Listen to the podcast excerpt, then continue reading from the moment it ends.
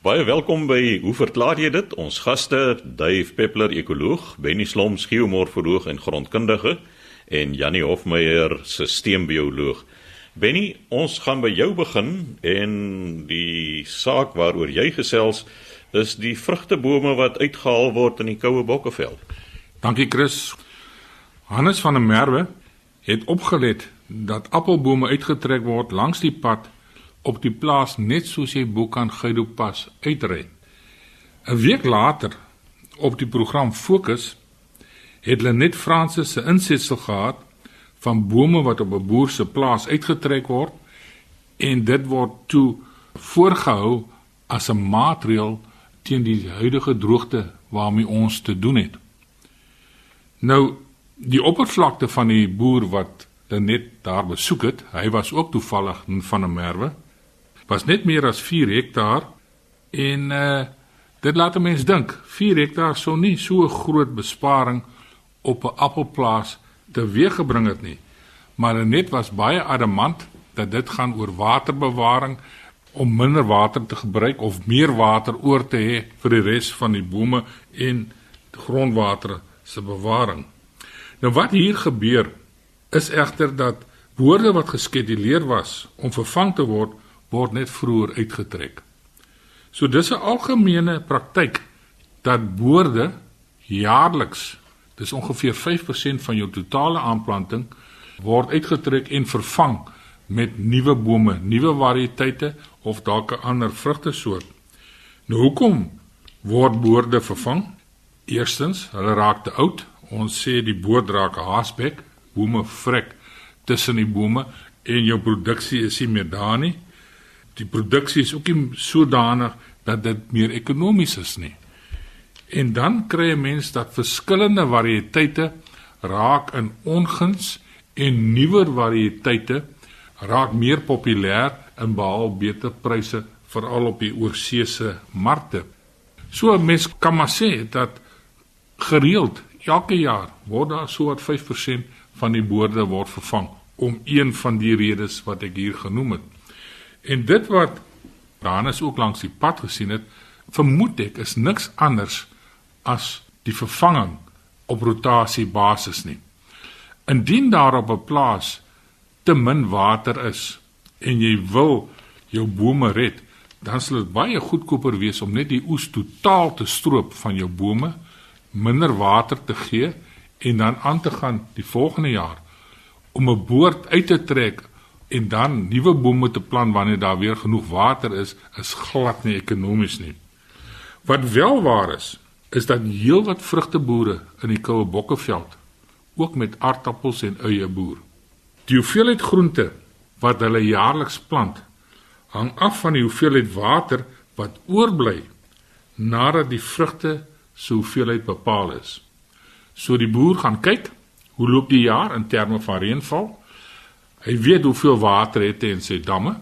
Kyk wat 'n surplus en volgens daai surplus word die aantal hektare eie en aardappels word dit bepaal. Want die eie word geplant hierso in uh, Augustus, September en dan weet 'n mens al hoe loop die seisoen. Daar is natuurlik wel plase in die Koue Bokkeveld wat slegs aardappels en eie plant en hulle val nie onder hierdie stelsel wat jy eers die water moet reserveer vir die vrugte voordat hulle kan aangaan nie. Nou wat ek gehoor het en wat Hannes my ook vertel het is dat baie vrugteboere in die Koue Bokkeveld het klaar besluit Hulle het hulle eie plantjies tot nut gemaak en daar word nie groente vir jaar geplant nie. Daar is net nie genoeg water vir beide die vrugte en die groente nie. Uit die aard van die saak sal jy jou water vir jou vrugte hou. So luisteraars wat ek vir julle wil sê is, maak julle reg vir redelike hoë pryse vir eie en dalk aardappels ook want heelwat kom daar uit die koue bokkeveld uit. Die huidige watersituasie is sodanig dat daar redelik minder aangeplant gaan word van jaar. Benny jy het nou gesê die uittrek van vrugtebome is glad nie ekonomies nie want om 'n nuwe boer te vestig vat 'n hele paar jaar voor jy weer 'n inkomste daaruit kry. Ja, natuurlik. Dit is baie goedkoper om die oes te stroop as jy werklik nie water het nie, miskien 'n bietjie somersnoei toe te pas sodat die boom net kan oorleef. Baie goedkoper as om weer 'n nuwe boord aan te lê. So sê Benny Sloms, geomorfoloog en grondkundige, Dave is eile territoriaal. Die antwoord is ja.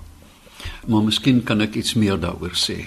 Ek het 'n brief gehad van Emile Kutse wat sê hy wil graag 'n deskundige oor uile vra ensovoorts. Hy sê hy bly in die rooi grond, hoe mooi is dit, die rooi grond distrik van Mahikeng en hy begin agterkom dat nonnetjies uile die spesies is vir die plaas waarop hy bly, die hoofnagtelike roofvoël spesies.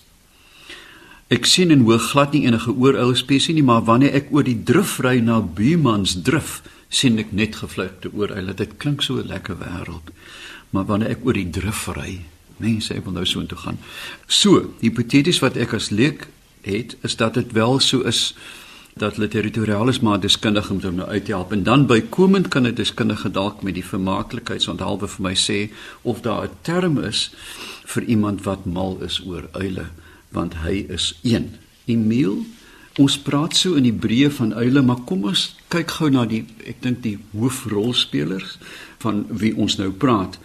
Eerstens het jy dan verwys na die nonnetjies uil en ons ken almal die pragtige roep van hierdie voël.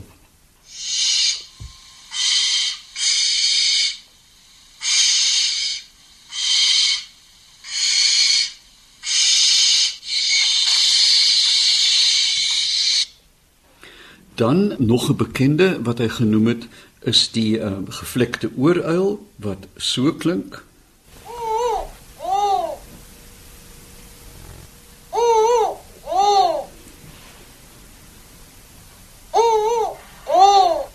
En dan miskien net nog een by wat ons meer bekend is, die van ons wat oranje tuine het, is natuurlik die bosuil of die wouduil, een van my gunsteling uile wat so klink.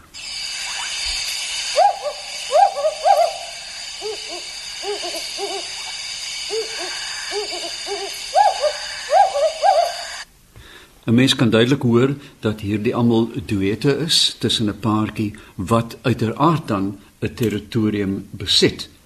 Nou, vreemd genoeg, al drie hierdie spesies, die wouduil, bosuil, die gevlekte ooruil en die nonnetjies uil kom in my tuin voor. Al drie saam, hulle sit soms in dieselfde boom en roep. En dit wys ons uiteraard op 'n interessante beginsel van verdraagsaamheid tussen spesies wat deur hulle nisvoorkeure geskei word. Dit is die eindelik die ding. En daarom moet ons dan tussen territorium en verdraagsaamheid en nis onderskei as ons hieroor praat. Subtiele prooivoorkeure bepaal die nis van al drie hierdie spesies of in sommige gevalle tot 4 of 5 spesies wat saam kan voorkom dat die een sal byvoorbeeld skeurbuikmuise vang, die ander een gewone huisrotte en die ander een nee, dit kan nie streepmuise wees nie want hulle kom in die nag voor nie, maar 'n muis van een of ander aard. Nou kom ons kyk na territorium. Ja, alle uile is territoriaal en die grootte hou uiteraard verband met prooidigtheid in 'n kleiner mate met die beskikbaarheid van neste. Beide geslagte van die uilpaar beskerm die territorium en hier spesifiek is die wyfies baie meer aggressief naby aan die nes want ons moet nou onthou dat hierdie drie spesies sal nes maak in ou geboue byvoorbeeld rotsgleuwe grotte bome wat uitgehol is vrotbome verlate ander voelneste soos byvoorbeeld die van die hamerkop kan deur uile oorgeneem word houtkappergate veral in Europa en so aan. So, as 'n mens dan kyk na hoe groot 'n territorium is, is dit baie moeilik om te bepaal indien jy nie telemetriese studies op die individu doen nie. Maar in Europa is die nonnetjies uil absoluut dig bestudeer. En hier kan ons byvoorbeeld wys dat in die winter sal 'n territorium van 'n nonnetjies uil 5000 hektaar wees maar dit verklein na 350 wanneer hulle broei in die somer wanneer daar baie meer prooi is. Dit kom ook daarop neer dat 'n mens kan 'n sirkel van omtrent 'n kilometer trek om die nes in broeityd, maar 4 km uiteraard waar hulle nie broei nie. Onthou ook dan dat 'n territorium is nooit rond nie. Dit is 'n vryvorm in die natuur want topografie en ander spesies werk in op die vorming van 'n territorium. Nou, waarom is 'n territorium belangrik? Eerstens is dit die beskerming van 'n voedselbron dat as jy kleintjies grootmaak, wil jy nie hê jou buurman moet hulle kos opeet nie. Maar ek dink eh, ook omdat hulle naglewende diere is, is dit baie belangrik vir die vestiging van 'n geheuekaart van die omgewing. Dat die uil uiteraard weet, hulle hoef nie die hele ding te patrolleer elke, maar seisoonaal by die stroompie in lente is die kans beter om 'n rot naby die rivier te vang byvoorbeeld. So, hulle memoriseer baie duidelik, veral met met donker maan dat hulle veilig kan ontsnap en ook veilig kan jag en weet waar daar versperrings en moontlike probleme in hierdie territorium is.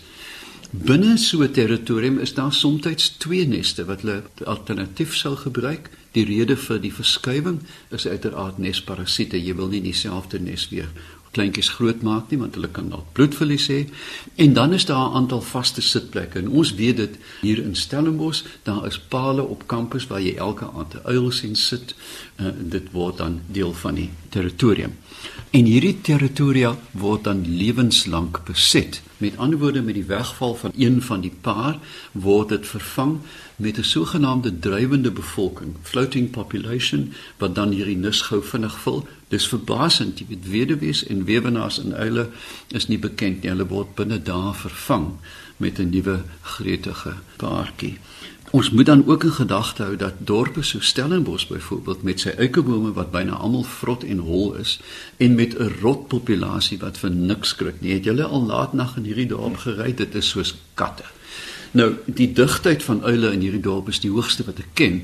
Gewoonlik hier in November met die eerste suidooste waai daar dosyne uilskuikens uit die bome uit en die veeartse sit met hulle hande in hulle hare en soek surrogaatmoeders en vaders vir die uile. Ek dink in daai geval moet 'n mens ook dan in terme van territorium in gedagte hou dat ons is geneig as goeie ou volkie met hulle voete in die NG Kerk se drempel dat ons hou van 'n skoon plek. In die platland gooi jy so 'n sementsoom om jou huis en jy vee blare. En dieselfde geld vir ons eerste rivier wat in 'n stadium so skoon gemaak is dat die uile nie neste gehad het nie. Ek onthou al te goed die poging met kliniese paadjies. Dit het dit gelyk na 'n kerkhof. Hulle het alles uitgepluk en daar het vir verveelde en verwarde uile vir 2 jaar gesit tot hulle verplaas is. So, onthou dit, die natuur is effens morsig en olifante breek bome en uile hou van vrot bome. Dan net oor die vraag wat Emil vra oor die liefhebbery. 'n Uilliefhebber staan bekend as 'n strigifiel want die uile kom uit die orde Strigiformia. Nou dit klink vir my al te veel na 'n perversie en ek dink ons moet dalk vir ons eie term probeer uitdink soos 'n uilgryper of 'n uilvroetelaar of iets ek sal graag van ons luisteraars verneem of hulle 'n mooi term vir ons in Afrikaans vir 'n uilliefhebber het. Dave, dit klink nou vir my jy gaan nou van erg na erger met jou voorstel daar. Dit was dan Dave Peppler ons ekoloog wat gesels het oor uile. Laaste aan die woord vandag Jannie Hofmeyer. Jannie, hoe werk 'n teensuurmiddel wat self suur is en ek en Benny wil altoe graag baie graag weet. Julle twee en dan Klemstein wat die vraag oorspronklik gevra het. Kollegas, lekker weer saam met julle te gesels. Klem skryf hierso dat hy het so ek het 'n redelike lang storie so ek gaan 'n bietjie opsom, maar hy het 'n botteltjie pomelo sap gedrink en, en dit het suur geproe en toe het hy kwaai pyn op sy maag gehad. Toe lees hy nou op die botteltjie en sien hy was sê hy was verbaas om te sien dat dit wat verkoop is as pink pomelo sap niks anders was as gekarboneerde water, sitroensuur, pink kleurstof in 'n swempie pomelo ekstrak nie. So word ons elke dag om die bos gelei. So hy sê die pyn het nie bedaar nie en ek kry toe in die medisynekasse baie bekende vrugtesout. Ek dink almal weet waarvan ons praat hier wat algemeen as teensuurmiddel gebruik word en hy meng dit volgens voorskrif met die water. Hy sê maar selfs dit protoform suur en hy laat staan dit maar eerder. En hy merk toe ook dat die vrugtesout hoofsaaklik bestaan uit nagenoeg eweveel sitroensuur en koeksoda. En toe dink hy nee, hy gaan nou eksperiment doen en hy vat toe sy swembadstelsel se pH meter en sien toe dat hoeka ja, die oplossing van die vrugtesout het 'n pH van omtrent 3, wat met ander woorde suur is. So nou wil hy weet, hoe verklaar jy dat 'n suurmengsel tog suksesvol gebruik kan word as 'n teensuurmiddel? Natuurlik 'n uitstekende vraag. So, klem, eers 'n bietjie agtergrond. Die maag soos ons weet, bevat maagsuur en dis 'n mengsel van soutsuur, HCl, kaliumkloried en natriumkloried, tafelsout. Nou die soutsuur die dissosieer om 'n waterstof-ion te vorm en dis wat die suur gee aan die aan die mengsel en 'n kloried-ion. En dis die konsentrasie van die waterstof-ione wat die suurgraad van so waterige oplossing soos maagsappe bepaal. Nou net so 'n klein bietjie agtergrond ons het natuurlik 'n manier om kwantitatief suurgraad uit te druk in terme van pH. So ons sê dat neutrale water het 'n pH van 7. Ek wil nou nie verduidelik hoekom dit 7 is nie want dit raak bietjie te lank. En enige verskil van 1 tussen pH-waardes, die is ekwivalent aan 'n faktor van 10 tussen waterstof-ion konsentrasies. So byvoorbeeld, as ons 'n waterige oplossing het met 'n pH van 6, is dit dus 10 maal meer suur as neutrale water met 'n pH van 7. En ons kyk na 'n pH van 2, wat so min of meer die middel is waarvan maagsappe se pH is, dan dui dit op 'n waterstof-ion konsentrasie 100 000 maal hoër as die van neutrale water, faktor van 10 tot die mag 5. Dat die pH van die maag, die wissel so tussen 1.5 en 3.5 en so dis omtrent so 3000 tot 300 000 keer meer suur as neutrale water. En natuurlik moet vra hoekom dit nodig is dat mens so in jou spysverteringskanaal so suur omgewing het. Dit is baie belangrik vir die vertering van veral proteïene want in hierdie baie suur omgewing ontvou proteïene in voedsel sodat hulle hulle opgevoude struktuur verloor en die bindings van tussen die aminosure waar hierdie proteïen bestaan blootstel aan die maagensium pepsin wat hierdie bindings dan breek en sodoende begin om die proteïene te verteer. Goed, genoeg agtergrond. Kom ons kyk, vir iets om as 'n teensuurmiddel te dien, moet dit dus self meer alkalies, dis met ander woorde minder suur wees as mense maagsappe. Maar dit beteken dus nie dat die teensuurmiddel self alkalies hoef te wees nie. Dit wil sê die teensuurmiddel se pH hoef nie noodwendig groter as 7 te wees nie. Dit moet net hoër wees, né? Kom ons sê die pH moet hoër wees as die maagsappe se pH. Solank dit hoër is as die pH van die maagsappe, sal dit 'n gedeelte van die maagsuur kan neutraliseer. So as ons nou kyk na die bestanddele van klemse pomelosap en die vrugtesout, het ons gehad koeksoda en sitroensuur as die hoofbestanddele. So die bestanddeel in die pomelo drank en die vrugtesout wat verantwoordelik is vir die neutralisering van 'n gedeelte van die maagsuur is die koeksoda, né, oftewel natriumbikarbonaat.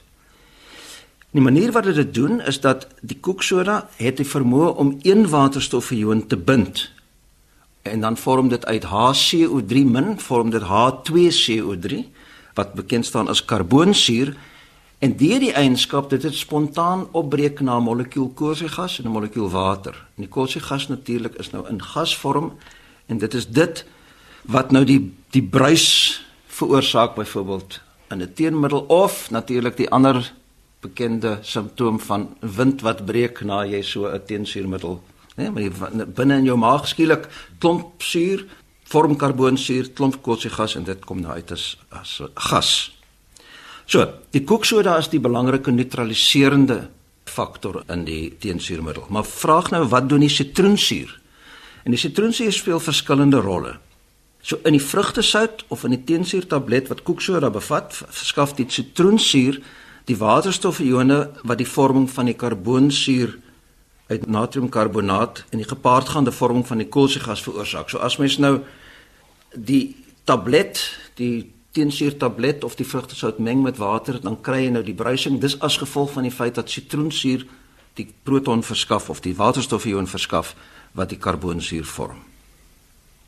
Maar in die spysverteringskanaal vervul die sitroensuur ook die rol van 'n buffer, so 'n pH buffer.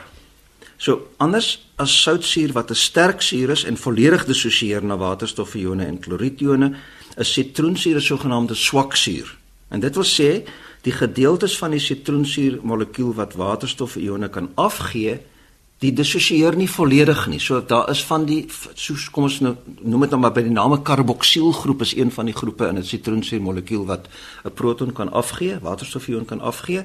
En so gedeelte van die populasie is in die suurvorm en gedeelte van die populasie is in die alkalisiese vorm. So die sitroensuur by so 'n pH in 'n redelike breë gebied van pH onder 7 is daar sitroensuur molekules wat wat beide kante toe kan werk. Met ander woorde kan as 'n buffer optree, kan kompenseer vir veranderinge in, in waterstof en ion konsentrasie. So klem, ek hoop dat ek hiermee kon verduidelik dat 'n sitroensuur gebufferde koeksoda oplossing met 'n pH van 3 nog effektief as 'n teensuurmiddel kan optree deur 'n gedeelte van die maagsuur te neutraliseer. En met hierdie agtergrond wonder jy nou hoekom koop jy die vrugtesout of die teensuurtablette? Jy het suurlemoensap in jou huis en jy het koeksoda in jou huis as jy die regte kombinasie met mekaar meng, dan het jy presies dieselfde effek.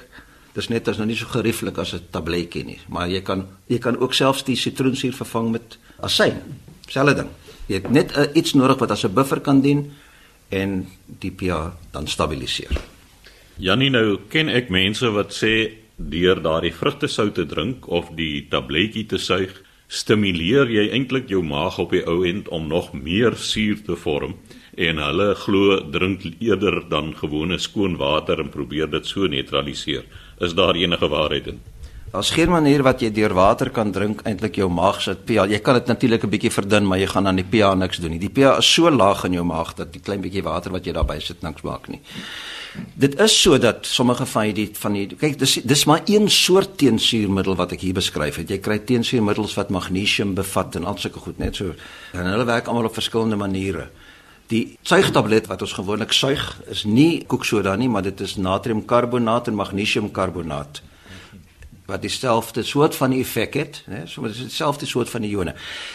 Dit is so dat daar 'n stimulering kan wees van suurproduksie as gevolg van die feit dat jy dit drink, maar ek dink vir meeste mense maak dit nie soveel saak nie. Natuurlik wat mense ook moet besef, as jy soeibrand het, is dit omdat 'n bietjie van jou maagsap opgestoot het in die esophagus, né, en dit is dit wat die brand veroorsaak. En dit is net daai bietjie wat jy eintlik hoef te neutraliseer om verligting te kry. Jy hoef nie jou maag se pH vreeslik op te bring nie. Al wat jy wil hê is net dit moenie so brand nie. En dit is natuurlik nie in jou maag nie, maar dit is in die slukdarm. Die kwessie van die water wat 'n mens moet drink. Water is 'n ongebufferde stelsel. Jy het bitter min suur nodig om sy pH af te gooi ook na 2 toe of andersom as jy alkali bygooi. So water help nie eintlik nie want hy op sy eie is hy totaal ongebuffer. Ja. Ja, so sê Jannie Hofmeyer dan wat die teensuurmiddel betref. Die tyd het ons ingehaal. Skryf gerus aan. Hoe verklaar jy dit? Posbus 2551 Kaapstad 8000 of stuur 'n e-pos aan chris@rsg.co.za.